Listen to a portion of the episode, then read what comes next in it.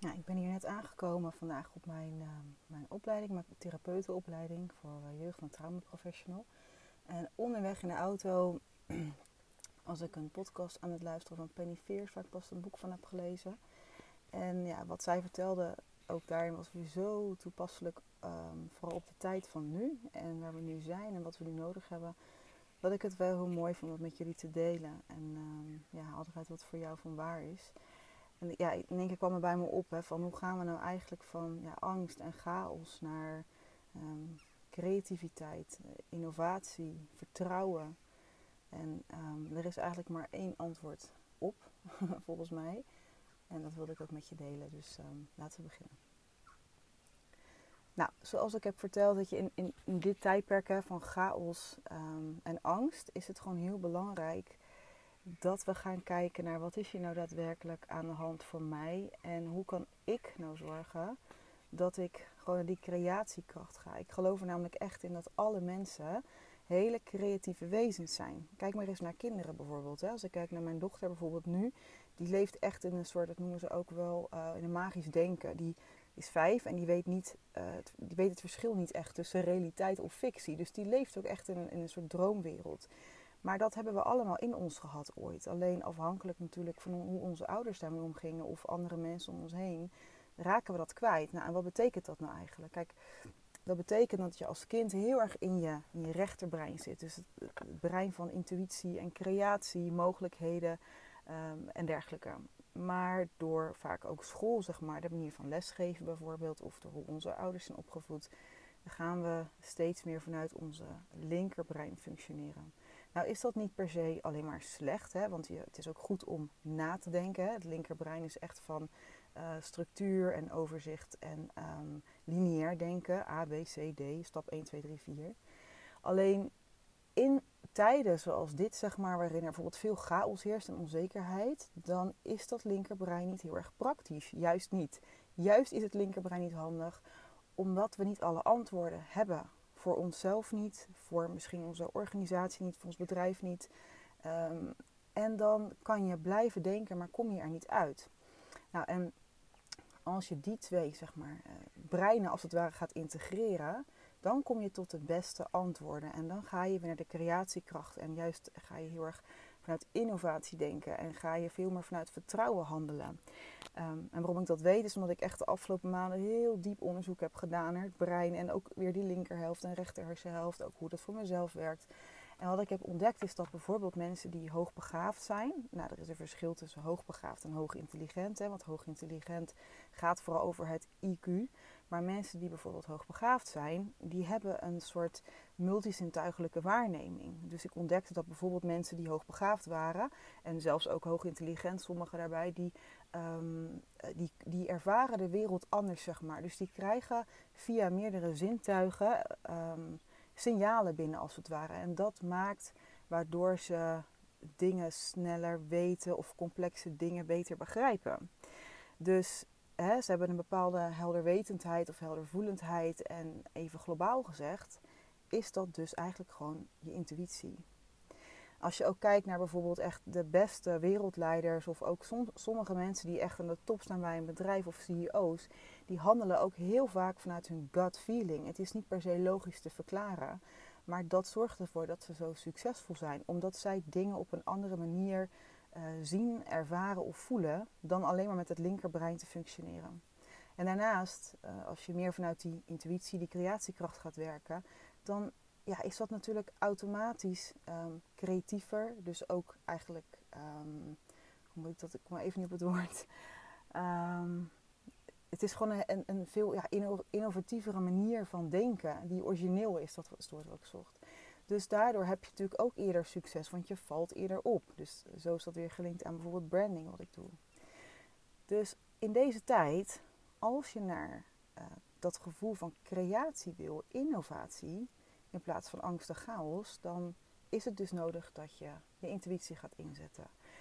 Nou ja, dat is niet per se dat je dat nu binnen een dag misschien kan, afhankelijk van hè, waar jij nu staat.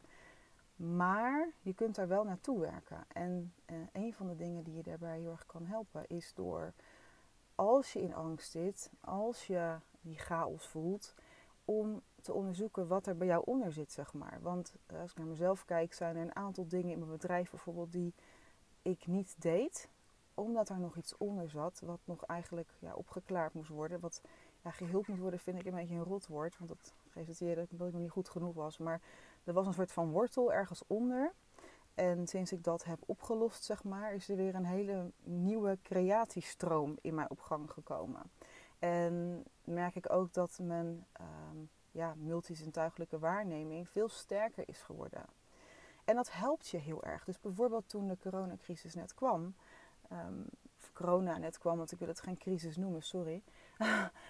toen, mijn vriend is bijvoorbeeld consultant. En um, hij had zoiets van, oh jeetje, wat gaat het voor mij betekenen? Want ik zat eigenlijk net, uh, ik was net bezig met een nieuwe opdracht. En hoe gaat het met met de markt, zeg maar? Wat gaat er dan gebeuren? Maar ik zei, nee, nee, nee, nee.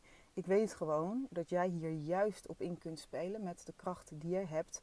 Hij zit ook in een bepaalde niche, zeg maar, die juist het nu heel erg goed doet.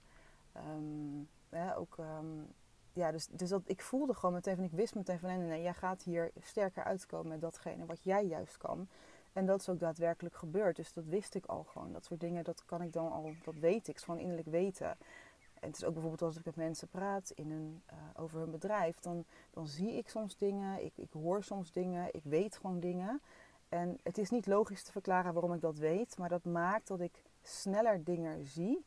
Um, en ook ja, op een andere manier kan kijken, zeg maar, dan dat ze soms zelf kunnen. Maar het belangrijkste is natuurlijk hè, dat je dat zelf gaat doen. Want jij bent de enige, denk ik, die weet wat voor jou waar is. Jij bent de enige die. Jij hebt je eigen creatiekracht, jij hebt je eigen innovatiekracht in je. En um, door te zorgen dat je niet meer laat belemmeren door oude angsten, oude patronen, kun je daarbij komen.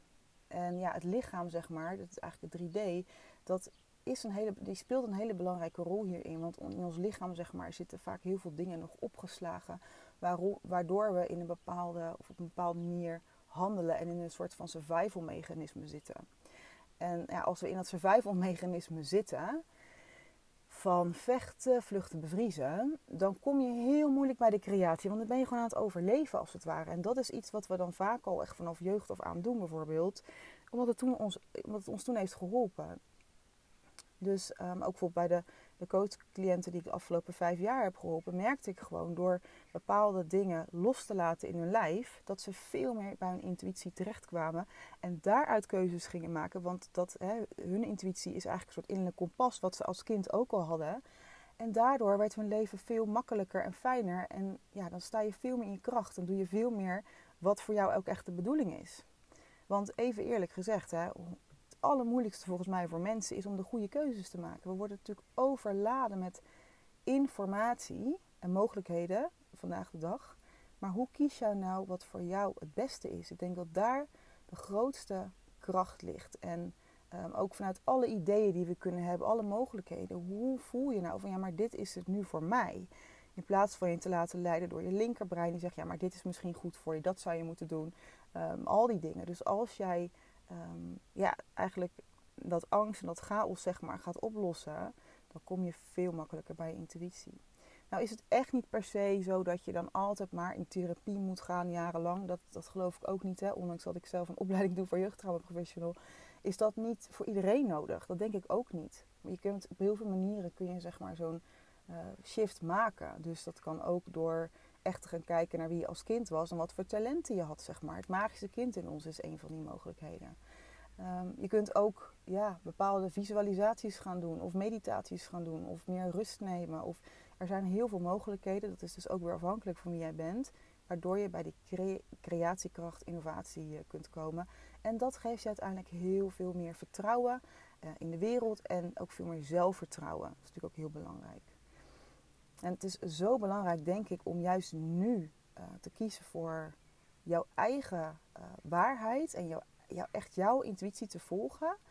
Want anders ga je gek worden van alles wat er om je heen gebeurt. Wat mensen zeggen, wat mensen vinden, um, hoe zij met dingen omgaan. En um, ja, ik heb bijvoorbeeld ook een heel mooi voorbeeld. Ik, ik, ken iemand die als net een hele mooie zaak begon in Rotterdam, een restaurant. Echt een super fantastische tent. Um, En het was, hij was net begonnen daarmee, zeg maar. Echt uh, super bijzonder concept was het ook. Echt een brand dat je denkt van wauw, ik ben echt helemaal fan van ook. Maar die ondernemer die was, die was met mij aan het praten over ja, allemaal uh, geld wat hij moest betalen en dergelijke. En toen zei ik maar, waarom vertel jij dit nu? Want je vertelt net alle ideeën die je hebt. Jouw hoofd loopt over van de goede, fantastische ideeën. Dus waarom praat je elke keer over dat tekort wat je hebt? Hij zegt ja, omdat al die mensen dan in de horeca, zeg maar, zo zeggen van oh, zo een beetje zwaar hè. En uh, oh jeetje, dit is wel echt moeilijk hè. En dan moeten we al met z'n allen, hoe gaan we dit nou doen? Maar hij zegt, ik voel dat helemaal niet zo. Maar toch ga ik mezelf dan een beetje aanpassen of zo. Ik zeg, nou, doe dat gewoon niet. Stop daarmee. Want hij zat helemaal in die creatiekracht. En gaat dan weer terug naar angst, zeg maar, en chaos door andere mensen om zich heen. En even eerlijk, in hoeverre draag je dan bij aan de wereld als je dat doet? Dus het is veel, ja, heel belangrijk om juist in jouw eigen energie te komen, in je eigen uh, kracht te staan, om je eigen creatiekracht te gebruiken. Want volgens mij maak je de wereld daar veel mooier mee. En hoeveel inspirerender ben je dan ook voor anderen, weet je? En hoe belangrijk is dat bijvoorbeeld ook voor het stuk branding wat je doet, zeg maar. Dus hè, ik, ik, zie bijvoorbeeld heel veel mensen die posten nu van alles over hè, alle conspiratietheorieën. En daar wil ik niet eens te diep op ingaan. Maar ik denk wel bij mezelf, ja, wat draag je bij op deze manier aan de wereld? Hoe zien andere mensen jou nu? En wat als dit over twee jaar allemaal anders blijkt te zijn? Is dat dan per se handig voor je brand of waar je voor staat? Wil je echt op die manier herinnerd worden? Ik wil vooral herinnerd worden om het verschil dat ik heb gemaakt. Of dat nou in het leven is van mijn kind of mijn vriend of uh, de mensen om me heen of mijn bedrijf. En daar focus ik me heel erg op, zeg maar. Mijn eigen creatiekracht. Wat kan ik doen? Waar zit, wat is mijn circle of influence, zeg maar? Welke stukken mag ik dan nog even uh, eruit halen, eruit trekken, die mij niet meer dienen? En hoe kan ik ja, nog iets mooiers creëren, creëren, nog iets mooiers neerzetten? En sinds ik dat doe, ja, komen de inzichten echt als een malle binnen eigenlijk. En ja, gaat mijn leven zo zoveel moeitelozer en makkelijker. Uh, ja, vooral mijn bedrijf merk ik dat heel erg. Want vanuit die plek maak je de beste keuzes, ben je het meest inspirerend. Uiteindelijk ook het meest aantrekkelijk, zeg maar, als brand. Omdat je gewoon ook heel erg authentiek en bij jezelf bent. Gewoon. Dus het is jouw waarheid en ja, jouw creatiekracht, jouw innovatiekracht. En dat heb je gewoon helemaal in je. Nou, ik ben benieuwd of je hier wat aan hebt natuurlijk. Dit was een hele spontane podcast. Normaal uh, denk ik daar dus ook iets te veel over na. Zit ik iets te veel in mijn linkerbrein. Maar ik dacht, ik kies er nu dus bewust voor om uh, later naar les te gaan. Dan maar even, dan moet iedereen maar even wachten. Ze kunnen gewoon beginnen, dat maakt me niet uit. Maar ik dacht, ja, als ik het heb over mijn rechterbrein, dan voelde ik nu echt die urge om dit nu te vertellen. En nou, ik ben ook heel erg benieuwd uh, of dat natuurlijk uh, resoneert met jou. Mocht je nog vragen hebben, stuur gerust een mailtje. En mocht je, mocht iets willen delen, laat me dat gewoon eventjes weten via info.sofiaslimani.nl. En uh, nou, dan spreken we elkaar snel weer. Een hele fijne dag.